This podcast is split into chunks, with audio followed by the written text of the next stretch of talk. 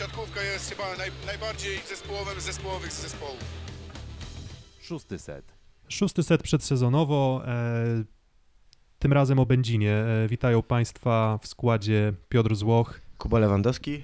I Filip Korfanty. E, witamy w trójkę. E, pierwszy odcinek o Suwałkach e, już usłyszeliście, mam nadzieję, że się spodobał i właśnie w ten dość podobnym formacie teraz informacje o Będzinie. MKS Będzin, e, 13 drużyna poprzedniego sezonu, ale też co myślę, że jest tutaj istotne do wspomnienia, ta, trzyna- to, że byli 13 drużyną nie oznacza, że nie byli najgorszą drużyną zeszłego sezonu.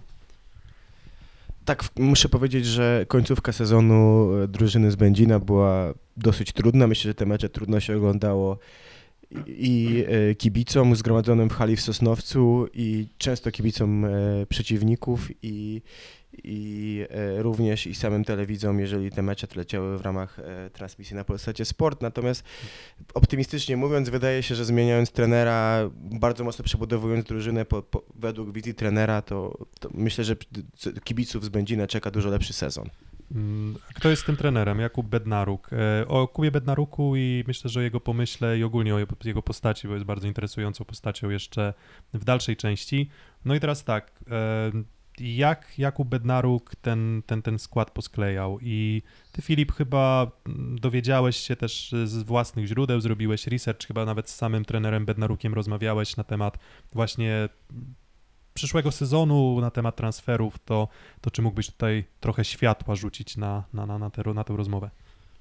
Znaczy w poruszanym akurat temacie, no to krótko mówiąc, y, Jakub Bednaruk zbudował moim zdaniem bardzo fajną kadrę, podkreślając jeszcze to, że zbudowana została ona za taki sam budżet, za jaki powstała kadra z zeszłego sezonu. To jest moim zdaniem gigantyczną zasługą Jakuba Bednaruka, e, że coś takiego mu się udało, no bo na mnie ten skład robi dobre wrażenie. I tak trochę wrócę sobie do tego, co powiedział Kuba jeszcze, no to faktycznie ten zespół oglądało się bardzo źle, źle na zakończenie poprzedniego sezonu jeszcze ta e, można, powiedzieć skaza na, na ich wizerunku, czyli odejście Lincolna Williamsa w trakcie sezonu.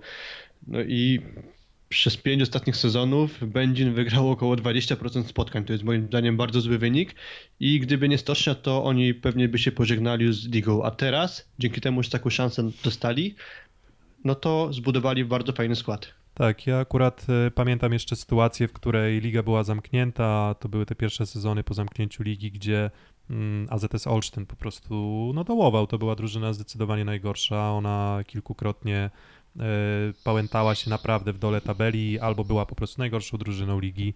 A pamiętam też te dość smutne mecze z AZS-em Częstochowa, wtedy jeszcze o, właśnie o tę o przedostatnią pozycję, pozycję w lidze i no i to był wtedy argument za tym, że okej, czy liga powinna być otwarta, czy powinna być zamknięta, jak pokazały kolejne sezony AZS-u Olsztyn. E, Jakby zamknięcie tej ligi no, nie przeszkodziło im w tym, żeby faktycznie dojść i poprawić znacząco swój poziom sportowy i zbudować drużynę, która no może nie walczy o medale, ale na pewno jest wyróżniającym się średniakiem ligowym. No i podobnie tutaj trochę sytuacja z Będzinem, tak? Mają jakby szansę wyjść, z, mają trochę jak Monopoli, mają karty wyjść z więzienia e, za darmo i nie wiem, czy to zasługuje na badumc, czy nie, czy to był dobry Zasługuje, suchar? zasługuje. Zasługuje, dobrze, więc proszę bardzo. Em, tak, e, i może, może do rzeczy. Mm, tak jak w pierwszym odcinku o Suwałkach, może zaczniemy od przedstawienia e, transferów przedsezonowych. Tylko czterech zawodników e, z składu z poprzedniego sezonu ostało się w MKS-ie Będzin. No jedną z tych osób jest e, Jan Fornal, e, brat e, Fornala, który akurat w tym, po, w tym sezonie przyszedł do drużyny Jastrzębskiego Węgla. No i trzy nowe postaci na przyjęciu. Rafał Sobański, wydaje mi się, że postać e, znana. E, to chyba taki solidny średniak. W Katowicach prezentował się, się dosyć dobrze. Tam w poprzednim sezonie troszeczkę problemów miał Piotr Gruszka z doborem odpowiedniej pary przyjmujących. I, I w wielu meczach to właśnie Rafał, e, czy to w duecie z Gonzalo Quirogą, czy z Tomasem Russo wychodził i prezentował się zazwyczaj dosyć solidnie, tak? Nie wiem tutaj Filip, czy zgadzasz się z tym?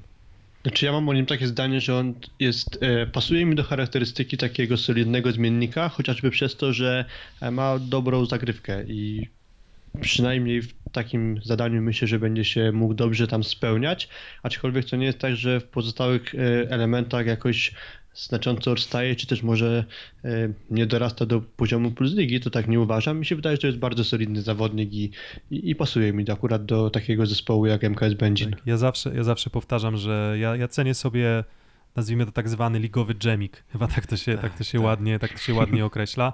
Nie każdy zawodnik będzie reprezentantem, nie Tak. każdy zawodnik będzie mógł grać o medale, co nie zmienia faktu, że należy cenić tych zawodników, którzy po prostu starają się rozwijać sezonu na sezon i wydaje mi się, że, że faktycznie u Sobańskiego te postępy widać. To nie jest osoba, która jest holowana, tak, tak że, że nie zasługuje na grę w Plus Lidze, a dalej jest w niej. Wydaje się, że on ten poziom Plus Ligowy prezentuje. Ja bym powiedział, że on mi bardzo przypomina stylem gry swojego imiennika, Buszka.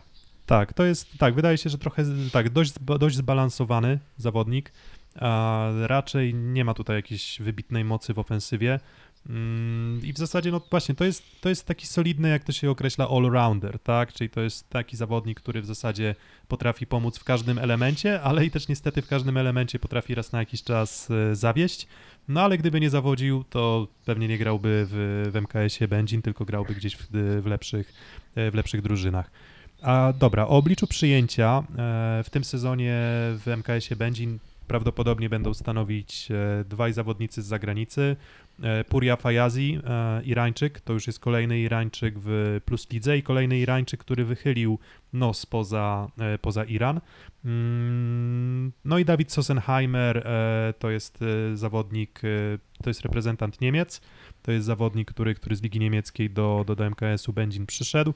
Mm, No i teraz pytanie otwarte do Was. Co sądzicie o tych y, transferach? To może ja najpierw e, opowiem o Niemcu troszeczkę.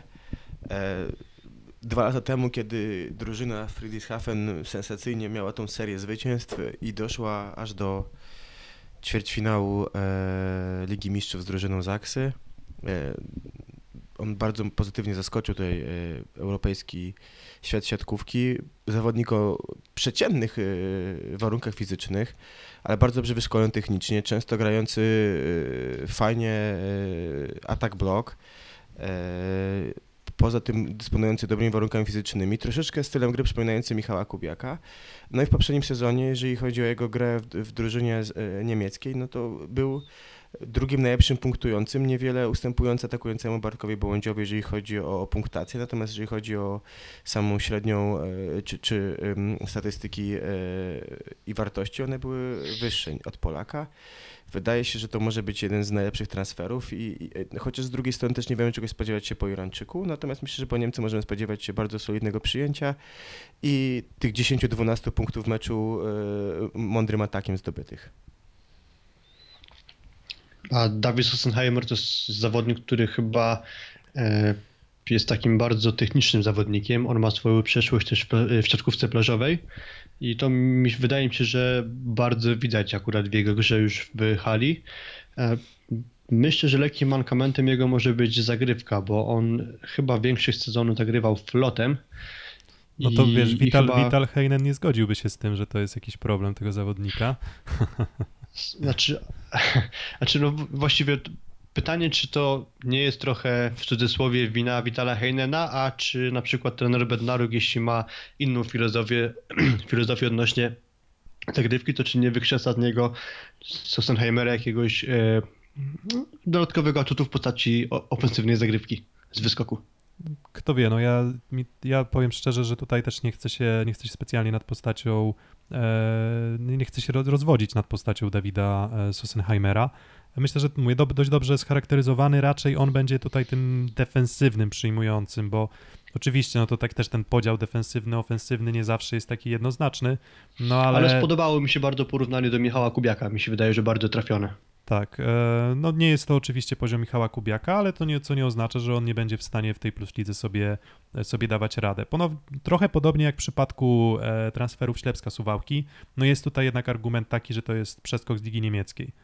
E, I tutaj nie wiem do końca, czy, czy, czy, czy Dawid Sossenheimer, okej, no on może radził sobie nieźle też na bloku e, w lidze niemieckiej, tak, był w stanie to nabijać, był w stanie powtarzać te ataki. E, Fakt, że miał też okazję grać w Lidze Mistrzów, tak, więc to nie jest tak, że, że on nie miał starcia z tymi najlepszymi zespołami, no ale jednak na dystansie całego sezonu myślę, że może być to utrudnienie i często jest. To nie jest tak, że te transfery z Ligi Niemieckiej, Ligi Francuskiej często e, decydują o obliczu drużyny i nie zawsze wypalają, tak? Tutaj przykład kojarzy mi się, był taki zawodnik, chyba właśnie w MKS-ie Będzin, Taimen Laane, którego swego czasu też wypatrzyliśmy z Michałem Kwietko-Bębnowskim, bo on bardzo mocno się wyróżniał w lidze niemieckiej, tylko że on miał właśnie ten problem, że on w starciu z tymi najlepszymi drużynami po prostu nie dawał sobie rady. Mm, Nie wiem do końca, jaka jest historia Dawida Sossenheimera, ale, ale no, zobaczymy, zobaczymy. Ja tutaj daję taki jeden mały znak zapytania, że to jednak nie jest zawodnik aż tak mocno okrzesany na tym poziomie i nie wiem do końca, jak to będzie, jak to będzie wyglądało. No ale jest Rafał Sobański, jest Jan Fornal, którzy zawsze mogą e, wejść. E, Druga, druga osoba z zagranicy, drugi przyjmujący z zagranicy, e, Puria Fajazi. E, Coś więcej o tym zawodniku? Mm, Kuba, Filip? Znaczy, myślę, że spora część osób kojarzy go z konfliktu z Michałem Kubiakiem, ale tematy pudelkowe może odłóżmy na bok. E, Puria Fajazi to zawodnik, który w 2011 roku został powołany do kadry przez Julio Velasco. E, Początek miał dobry, ale później e, nieco obniżył loty. W 2015 roku zerwał więzadła krzyżowe, przez co jego kariera nieco wyhamowała, ale tak w skrócie przechodząc do ostatniego sezonu, był on bardzo udany w lidze irańskiej, zdobył e, mistrzostwo Iranu, wygrał mistrzostwo Azji i był też MVP ligi irańskiej, także wydaje się, że po tych jakichś pertraktacjach w swojej karierze on wraca na dobry poziom. E, Teraz znów załapał się do kadry Iranu i wypatrzył go trener Bednaruk. Wydaje mi się, że to może być bardzo dobry ruch i to będzie na pewno zawodnik ofensywniejszy aniżeli Dawid Sossenheimer. Tak, Tak. mi się tutaj Irańczyk kojarzy poza tym wszystkim, co powiedziałeś, Filip, y, z występami y, w tym roku w kadrze irańskiej i on zagrał w meczach i w Iranie z Polską i zagrał też, wyszedł w pierwszym składzie Final Six, które było w Stanach Zjednoczonych i grał z nami w tym meczu z naszą tą drugą drużyną. Pierwsze dwa sety grał fantastycznie, e, bardzo był nakręcony, podejmował dobre decyzje punktował na wysokim poziomie skuteczności, natomiast ym, później troszeczkę zagotował się, bo dostał jedną czy drugą e, czapę od Karola Kłosa i, i wtedy już troszeczkę mniejsze podejmował ryzyko, podejmował gorsze wybory. I tutaj, jeżeli chodzi o jego mankament, to wydaje się, że ten temperament, który on ma, co było widać też w przypadku tutaj sporu w lidze e, mistrzów Azji, Azji tak, z Michałem Kubiakiem, może być jego problemem, że jeżeli on się zagotuje, no to może już być po tym zawodniku w meczu, tak? I tutaj, tak jak szukaliśmy u Dawida Sossenhe- Sossenheimera problemu, jeżeli chodzi o wytrzymanie jakby kondycji czy, czy, czy siły, jaka jest w lidze polskiej, to tutaj problemem Fajeziego moim zdaniem może być troszeczkę gorąca głowa. To widzę, że bardzo ładnie udało ci się połączyć Sossenheimera, czyli mini Kubiaka z Furią Fajazi. Mam nadzieję, że będą się dogadywać lepiej niż, niż, tej, niż tej e, scysji, jaka miała miejsce między Irańczykiem a, a Michałem Kubiakiem. Mm, No tutaj znowu, no trochę, mówię, do tego, do tego, do tej beczki miodu trochę tego dziegciu e, dosypię. Mm, No nie zawsze łatwo jest zawodnikom z takiego kręgu kulturowego, jakim jest Iran, odnaleźć się w rzeczywistości Europy Zachodniej. I tutaj mogę przywołać chyba przykład Milada Ebadipura, który no nie wszedł do ligi z rozpędem. Nie, nie, nie, to, nie, to nie było takie wejście, które, e, które faktycznie e, powaliło wszystkich na kolana, ale dostał szansę, zaaklimatyzował się w, w, w lidze, zaaklimatyzował się w drużynie e, skrybeł chatów i on po prostu doszedł do swojego poziomu. No ale tutaj taki mały znowu haczyk, że, że no nie wiadomo do końca jak to będzie. E, I on chyba występuje teraz w Lidze Narodu, e, przepraszam, w Lidze Narodu, Pucharze Świata oczywiście w tym momencie. Czyli to jest taki też kolejny atut, że po prostu to jego zgranie na początku sezonu może być trudne, to będzie nowe otoczenie, nowa, nowa kultura. No też zakładam jakaś rozłąka, tak, od, od osób bliskich, od znajomych i tutaj obawiam się, że, że może to być dla, dla młodego Irańczyka jednak pewien problem. E, Puria Fajazi został wybrany przez Będzin, aczkolwiek e, nie jest też tajemnicą, że wśród kandydatów na wzmocnienie przyjęcia będzińskiego zespołu był Farhad Gaemi, inny e, przyjmujący, ale ostatecznie padło na Fajaziego po tym, jak właśnie trener Bednaruk oglądał go po prostu na wideo i okazało się, że to był chyba szczęśliwy wybór, chociażby z tego względu, że GMI znacznie mniej błyszczał w tym sezonie kadrowym, a niedawno w meczu Pucharu Świata dostał kontuzji i wypadł na no, dłuższy czas z gry, już w Pucharze Świata udziału nie weźmie i czeka go dłuższa przerwa, także akurat w pewnym sensie e, no, szczęście Będzina, nieszczęście Farhada Gaemiego. Dobra. em, czyli tak, przyjmujący, charakterystyka przyjmujących. Wydaje się, że tutaj Fajaz i Sossenheimer są absolutnie faworytami do występu w pierwszej szóstce. E, atakujący. Rafał Faryna, kolejna postać, która z tych czterech zawodników, którzy się ostali w MKS-ie Będzin, e, to Rafał Faryna jest tą drugą osobą po Janie Fornalu wcześniej wspomnianym.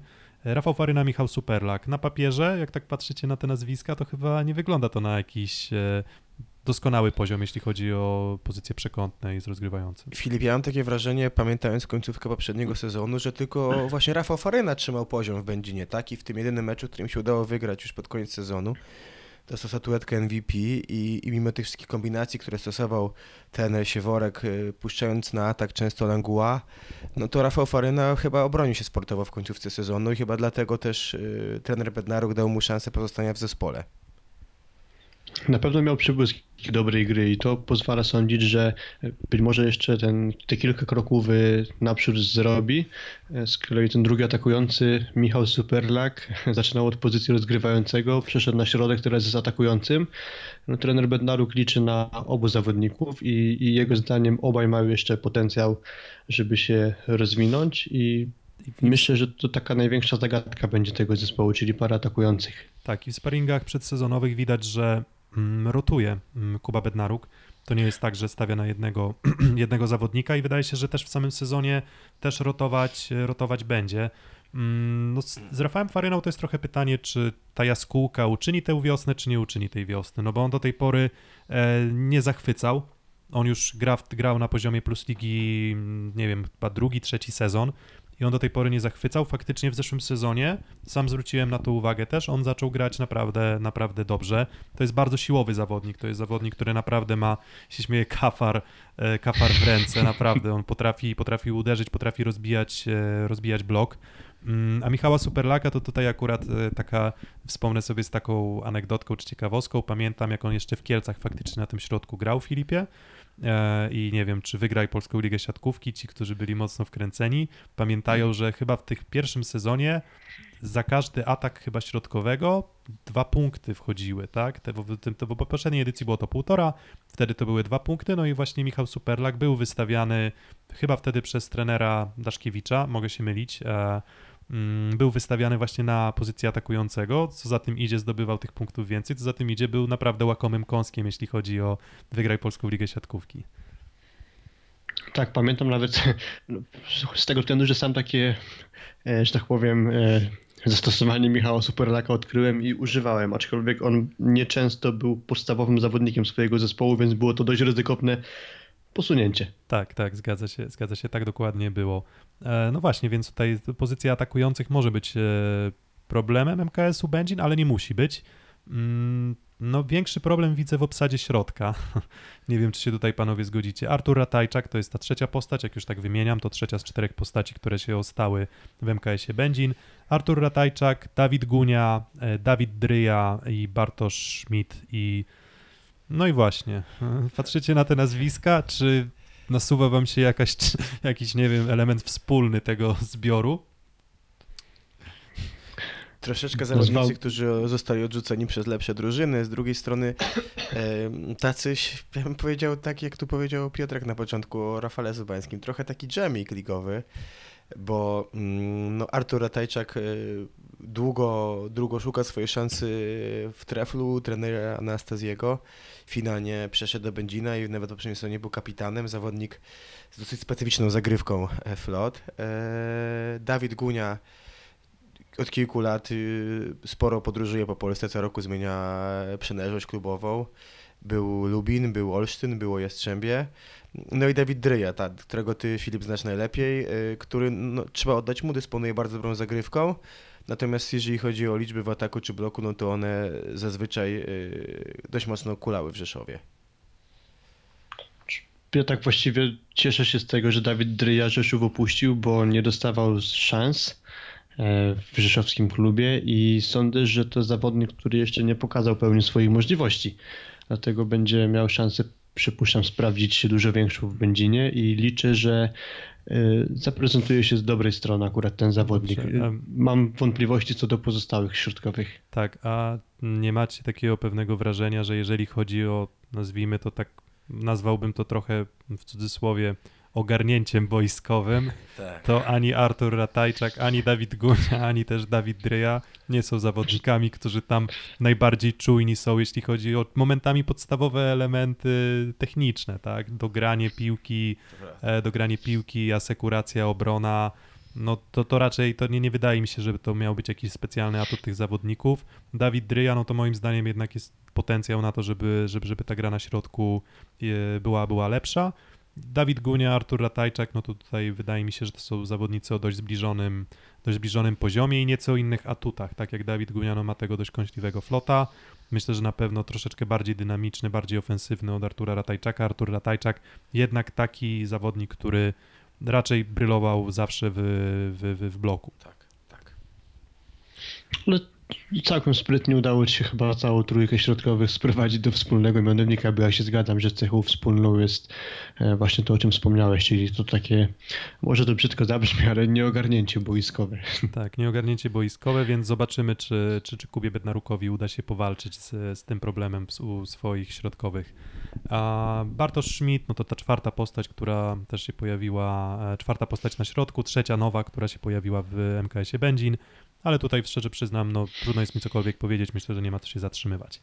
E, Rozgrywający, e, no nie zostali rozgrywający z poprzedniego sezonu, e, w, ci, którzy wygrali w Będzinie, Mateusz Kowalski, e, przepra- Tomasz Kowalski. Tomasz Kowalski, przepraszam, Tomasz Kowalski w AZS-ie Olsztyn obecnie, Lukas Tichaczek w, wiem, Czechach? w Czechach. W Karlowarsku. dziwi mnie, że nie został. Dziwi cię, że Lukas Tichaczek nie został? Nie, nie, nie, nie dziwi mnie wybór y, TJ'a Sandersa na pewno. No właśnie, TJ Sanders i Konrad Buczek, więc TJ Sanders e, jako fan też e, Trepla Tak, Gdańsk, e, Kuba, no jak, jak oceniasz, jak oceniasz ten transfer, jak mogę- oceniasz, jak oceniasz też jego występy wcześniejsze w Plus Lidze? Tak, z perspektywy trybun w Gdańsku TJ Sanders prezentował się solidnie, natomiast y, bywały mecze, w których jego y, niedokładność w zagraniu mocno irytowała trenera Anastazje- Anastaziego, który wtedy korzystał z bardzo solidnego zmiennika, jakim był Michał Kowalski. E, Y, Kozłowski. Kozłowski, przepraszam oczywiście. Bo TJ tutaj dwóch Kowalskich było wcześniej w Będzinie, Tak, więc Michał, może Michał, z tego Michał Kozłowski trochę, trochę obecnie, zamieszaliśmy. tak, obecnie też w Oniko z trenerem Anastazim. TJ Sanders y, poprzednie sezony, jeżeli nie grał w Polsce, grał w Turcji. Dosyć solidny, rozgrywający, e, preferujący grę szybką, natomiast mam wrażenie czasami mający problem e, z dokładnością i, i też czasami, chociaż akurat wydaje mi się, że tutaj Będzin aż tak często środkiem nie będzie grał, to, to pamiętam, że dosyć rzadko, jeżeli chodzi o, o Gdańsk, on grywał środkiem.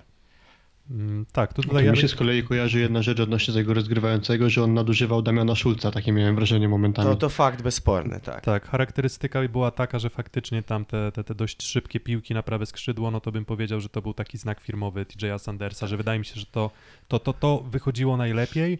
Wydaje mi się, że to może pasować do Rafała Faryny i Michała Superlaka też, tak, tak, tak patrząc, patrząc z perspektywy też ich warunków, e, warunków fizycznych. Mm, no ja TJ'a Sandersa w sensie no, zawsze uważałem za niezłego rozgrywającego. Nie uważam, że to był zły rozgrywający, ale e, no, było nie było jakieś tam sukcesy też w tym Gdańsku udało się osiągnąć, tak ale Trzecie miejsce. tak, ale Polski. tak, dokładnie, dokładnie, więc, więc to, to nie jest tak, że, że to nie jest zawodnik, który nie jest w stanie grać na, na wysokim poziomie i on też ma tak, że on naprawdę, kojarzy go z momentami naprawdę fantazyjnymi rozwiązaniami, jeśli chodzi na przykład o uruchamianie środka, bo on potrafi gdzieś tam na przykład przesunięte piłki ze środkowymi Gdańska, to, to, to właśnie, to właśnie mi utkwiło w pamięci też. Mm, No i zobaczymy, zobaczymy, myślę, że myślę, że w porównaniu właśnie do Lukasa Tichaczka czy, e, czy Tomasza Kowalskiego, no to dla Będzina jest to na pewno bardzo, bardzo transfer na plus. Drugi rozgrywający Konrad Buczek, on bez specjalnych szans na grę w e, Oniko Warszawa w zeszłym sezonie. No właśnie nie wiem, czy to nie będzie dobry, problemem lekkim. dobry znajomy trenera Bednaruka jeszcze z wcześniejszych sezonów w Warszawie. Mm, No i dobra, Konrad Buczek, no to też e, nie widzieliśmy go zbyt mocno, nie widzieliśmy go zbyt, e, zbyt często w grze um, w zeszłym sezonie, bo jednak Antoine Blizzard no to był podstawowy rozgrywający Oniko Warszawa i, i Konrad Buczek w zasadzie tam dużo szans nie dostawał. Libero, e, czwarty, rozgry, czwarty rozgrywający, czwarty zawodnik, który też się ostał w drużynie, Michał Potera, no i dołączył Piotr Macheta jako takie uzupełnienie składu. Michał Potera, ja uważam, że to jest Tak. solidny libero. W sensie ja e, denerwował mnie nieco swoją grą, gdy jeszcze grał w AZS-ie Olsztyn, no bo to jego poprzedni klub. Mm, on był po prostu nierówny i był taki, nie wiem, momentami bym powiedział dość niechlujny i to trochę irytowało, tak? Ale, ale wydaje mi się, że ten poprzedni sezon, no to tak, Rafał Faryna i Michał Potera, dwie postaci, o których bym powiedział, że w tym Będzinie zeszłorocznym, no wyglądały najlepiej zdecydowanie. Absolutnie słusznie w mojej ocenie trener Bednaro go zostawił i wydaje mi się, że jest to roz... libero, który mógłby grać w ciut lepszej drużynie niż Będzin. Może nie takiej, która ma aspiracje medalowe, ale w drużynie, która grała miejsce 4-8 myślę, że on mógłby sobie poradzić. Mm, Filip, jeszcze jakiś komentarz może do, do Drugi libero? Piotr Macheta akurat No tak, tak, tak, możesz, możesz mówić, oczywiście. e, Nie, chciałem pozwolić ci dokończyć. E, Właśnie Piotr Macheta, drugi libero, to z kolei zawodnik, którego kojarzę z występów w młodzieżowej drużynie mm, Resowi. Mm, Później on przyszedł do AZS-u Częstochowa i na ile miałem okazję go oglądać, to wydaje mi się, że to jest zawodnik bardzo perspektywiczny, który może się jeszcze bardzo rozwinąć. Na pewno nie jest to zawodnik do grania już teraz w pierwszej szóstce, więc sądzę, że bezdyskusyjnie miejsce na boisku zajmie Michał Potera, ale y, cieszy mnie, że taki zawodnik jak Piotr Macheta do Puzdigi się przebił i, i sądzę, że on w przyszłości y, ma szansę na to, żeby stać się podstawowym zawodnikiem któregoś z zespołów plusligowych. No dobrze, no to drodzy słuchacze, poznaliście już skład MKS-u Będzin, e, transfery do klubu. To teraz jeszcze może tak bardzo króciutko o tych transferach, które e, z klubu, e, czyli od odejścia, tak to, tak to nazwijmy. Tomasz Kowalski, Indyk Pola ZS Olsztyn, Mateusz Kowalski, z tego co widziałem, szuka klubu, czyli tam dwóch Kowalskich było w MKS-ie Będzin w, w zeszłym sezonie. Grzechnik, Jakub Peszko, Gregorowicz, Jake Langlois, Adrian Buchowski, a i Tichaczek, no to o tym już wspominaliśmy. Mm, Jakaś strata? W sensie uważacie, że któryś z tych zawodników mógłby, nie wiem, w tym składzie obecnym Będzina może nie grać pierwszych skrzypiec, ale chociaż być uzupełnieniem składu? Myślę, że z Pytanie- zawodników, których pytanie- ja bym zostawił, to Adrian pytanie Buchowski tezę Tomasz oczywiście. Kowalski. Aczkolwiek oczywiście niedograne pierwszych skrzypiec, tak jak sam wspomniałeś. Okej, e, Kuba? Adrian Buchowski tak, wydaje mi się, że on y, mógłby w tej drużynie się odnaleźć. Chciałem tutaj króciutko tylko po powiedzieć o tym, jak wielkim zawodem był, był Jake Langlois, tak? Bo mm, przychodził jako reprezentant USA i były oczekiwania wobec niego bardzo wysokie. Widzę, że tak, widzę, że tak Kuba z francuskiego, Jake Langlois. La, la, Langlois, Tomasz, Langlois chyba bardziej. Tomasz Fedorowski mówi Langlois, ale chyba dlatego, że mieszkał we Francji, tak jakoś tak by się ostało. Okej. Em, zaczynał na przyjęciu, tam wyglądał bardzo źle. Końcówkę dograł na środku, gdzie wyglądał troszeczkę lepiej, ale wielki zawód i tak. chyba też taki troszeczkę znak ostrzegawczy, że nie każdy zawodnik, który e, grał wcześniej czy w koledżu w USA, czy we Francji, będzie od razu potem e, w Polsce e, wyglądał bardzo dobrze. Chyba poza Adrianem Buchowskim, tak reasumując, żaden z tych zawodników nawet chyba w tej 14 mógł się nie łapać. Dobrze, więc y, transfery wychodzi na to, że bardzo na plus, bo mm, w zasadzie ten bilans tych, którzy odeszli, tych, którzy przyszli, zdecydowanie bym powiedział na plus. To też się okaże na koniec sezonu. Oczywiście, znaczy, no widzisz, no, czasem po prostu trzeba ocenić decyzję tu i teraz, tu i teraz. Wydaje się, że są to, są to postaci, które mogą faktycznie, e, faktycznie zmienić. E, no i tyle o transferach. E, za chwilę wracamy z mm, pierwszą szóstką i szansami Będzina w kolejnym sezonie. Szósty set. No i wróciliśmy. Krótki, krótka to była przerwa, e, krótkie powiedzmy przejście pomiędzy tą sekcją transferową. E, pierwsza szóstka drużyny, TJ Sanders, e, rozegranie, Rafał Faryna na ataku, Fajazi, Sossenheimer e, na pozycji przyjmujących. Jeżeli chodzi o środek, myślę, że Dawid Dryja i Artur Ratajczak, ale tutaj no nie wiem do końca, czy to będzie Dawid Gunia, czy Artur Ratajczak. Myślę, że Dawid Dryja powinien występować w podstawowym składzie. A, I jeżeli chodzi o pozycję libero, mówimy tutaj o Michale Poterze, który, który absolutnie nie powinien zbyt często schodzić z boiska. Raczej nie sądzę, żeby Piotr Macheta miał wiele szans na, na grę. No i patrzycie na ten skład i znowu pytanie. Kuba Bednaruk plus ten skład równa się pozycja w lidze 7-10. 7-10, tak. Ja muszę powiedzieć, że. Myślę, ja... że mają po prostu szansę na playoff, o tak bym powiedział. Zgadzam się i uważam, że tutaj najlepszym transferem, jaki zrobił Będzin, to jest trener. Trener, który yy, wydaje się, że ma ogromny potencjał. Ja go obserwuję z wielkim zaciekawieniem, bo trafia za każdym razem do drużyn z relatywnie małym potencjałem. Poprzedni sezon bardzo trudny w Bydgoszczy. E, Teraz chyba troszeczkę finansowo i, i potencjałowo przeskok troszeczkę do przodu e, drużyną Będzina. Myślimy, kto będzie następcą e, Witala, pewnie powoli. Jeżeli ten sezon e, dobrze wypali drużynie z Będzina, no to może Polski Związek Piłki Siatkowej, który już raz poprosił przecież o pomoc Bednaruka, jeżeli chodzi o wylet do Chicago, e, będzie e, w nim widział następcę Witala. Mm, Znaczy tak, ja, znaczy ja, ja się zgadzam z tym, że no, trochę nietypową drogę wybrał Jakub Bednaruk, a może to też była droga trochę wymuszona przez to, że po prostu po, po tych e, udanych sezonach w Warszawie po prostu nie znalazł zatrudnienia w klubach, które grałyby o wyższe cele, więc w, w zeszłym sezonie wydaje mi się, że zbyt goszczy wycisnął dużo, bo tam patrząc na papierze to nie była drużyna, która mogła aż takie sensacyjne momentami wyniki robić, jak tam zwycięstwo na przykład ze Skrą Bełchatów, ale był w stanie to, był w stanie to osiągnąć. I tak, uważam, że po pierwsze, to są transfery, które moim zdaniem wszystkie pasują do siebie. Uważam, że to jest drużyna, która, która raczej nie wydaje się być drużyną, która moim zdaniem będzie bardzo techniczną drużyną. To raczej będzie, wydaje mi się, dość mocna siła, e, siła i mocny akcent jednak na, na grę blokiem. Mm, ale to jest kwestia tak naprawdę dyskusyjna. No, jaki, jaki efekt to przyniesie do końca, e, do końca trudno powiedzieć. A jaki twój typ? Jaki jest mój typ? E, Mówisz 7-10. Wydaje mi się, że mm, nie powiedziałbym, że 7. W sensie wydaje mi się, że okej, no zo- znowu, e, znowu kolejny, kolejny mała gwiazdeczka, znowu przypominamy, zakładamy, że Warszawa wystąpi w, li- w lidze.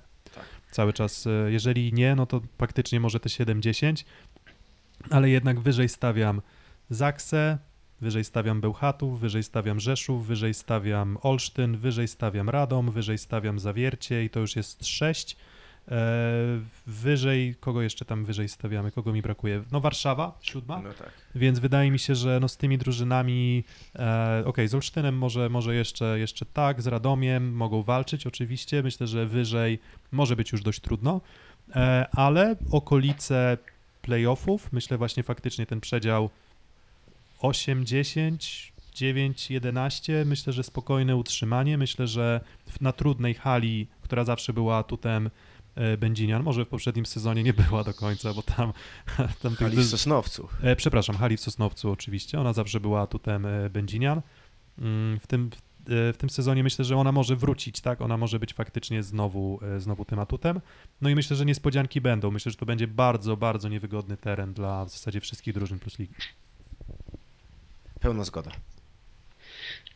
Filip, jeszcze masz coś do dodania może w ocenie poten- A nie, przepraszam, ty nie, ty nie możesz mieć coś do dodania, ty musisz określić, określić swoje preferencje i swoje, Czy- i swoje W typy. poprzednim odcinku odnośnie zespołu z Suwałk e, mówiliśmy o tym, że problemem może być to, że Joshua Tuaniga późno dołączy do zespołu.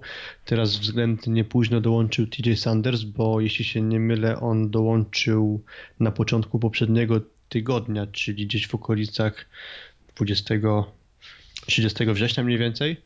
To, to też trochę może utrudnić przygotowania. Dawid Sossenheimer nie pojechał na Mistrzostwa Europy, więc tu akurat w porządku, no ale największy problem no to wpasowanie z siatkarza, który ma moim zdaniem pot- potencjał na największą gwiazdę, czyli Puria Fajazi. On dopiero wróci z Pucharu Świata i, i może to trochę pokrzyżować plany, przynajmniej na początku sezonu trenerowi Bednarukowi. No, tak, no to to jest, to jest na pewno jakiś tam atut, ale, ale w perspektywie jednak całego sezonu nie powinno mieć to, nie powinno mieć to aż takiego znaczenia, tak, no oczywiście liga w tym sezonie będzie dość skompresowana, tak, no bo dość późno się zaczyna, w międzyczasie jeszcze będziemy mieli przerwę na ten turniej kwalifikacyjny, nie wiadomo jak to do końca liga rozegra, na turniej kwalifikacyjny do Igrzysk Olimpijskich, ten europejski, chyba nie tylko europejskie, bo tam te kontynentalne też się będą działy. E, Też problem, Tak? No mów. problem może być też taki, że jak sprawdziłem, to kwalifikacje do Igrzysk Olimpijskich w Azji potrwają 3 dni dłużej, w sensie skończą się 3 dni później niż te europejskie, a dodatkowo długa podróż, więc i no, ten potencjalny lider zespołu może mieć trochę trudny sezon przed sobą. Mówię o Puri Fajazim. Dokładnie. No dobra, no czyli przewidywania, Filip, gdzie, gdzie ich plasujesz? Gdzie, gdzie, gdzie plasujesz drużynę MKS-u? Znaczy wcześniej powiedziałem miejsca 7-10, podtrzymuję, a innymi słowy Dobra. sądzę, że mają szansę na playoffy.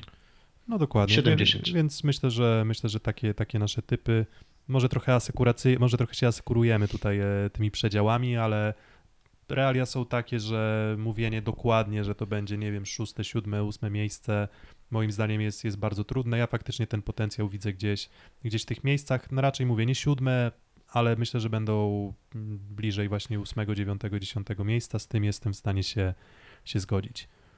No i to chyba tyle, co? MKS będzie omówiony. Em, Kolejne odcinki już wkrótce. Kolejne drużyny, które omówimy, o których opowiemy Wam coś. Mam nadzieję, że podobało się, a tymczasem za uwagę dziękuję Piotr Złoch. Kuba Lewandowski. I Filip Kurfanty. Dzięki piękne.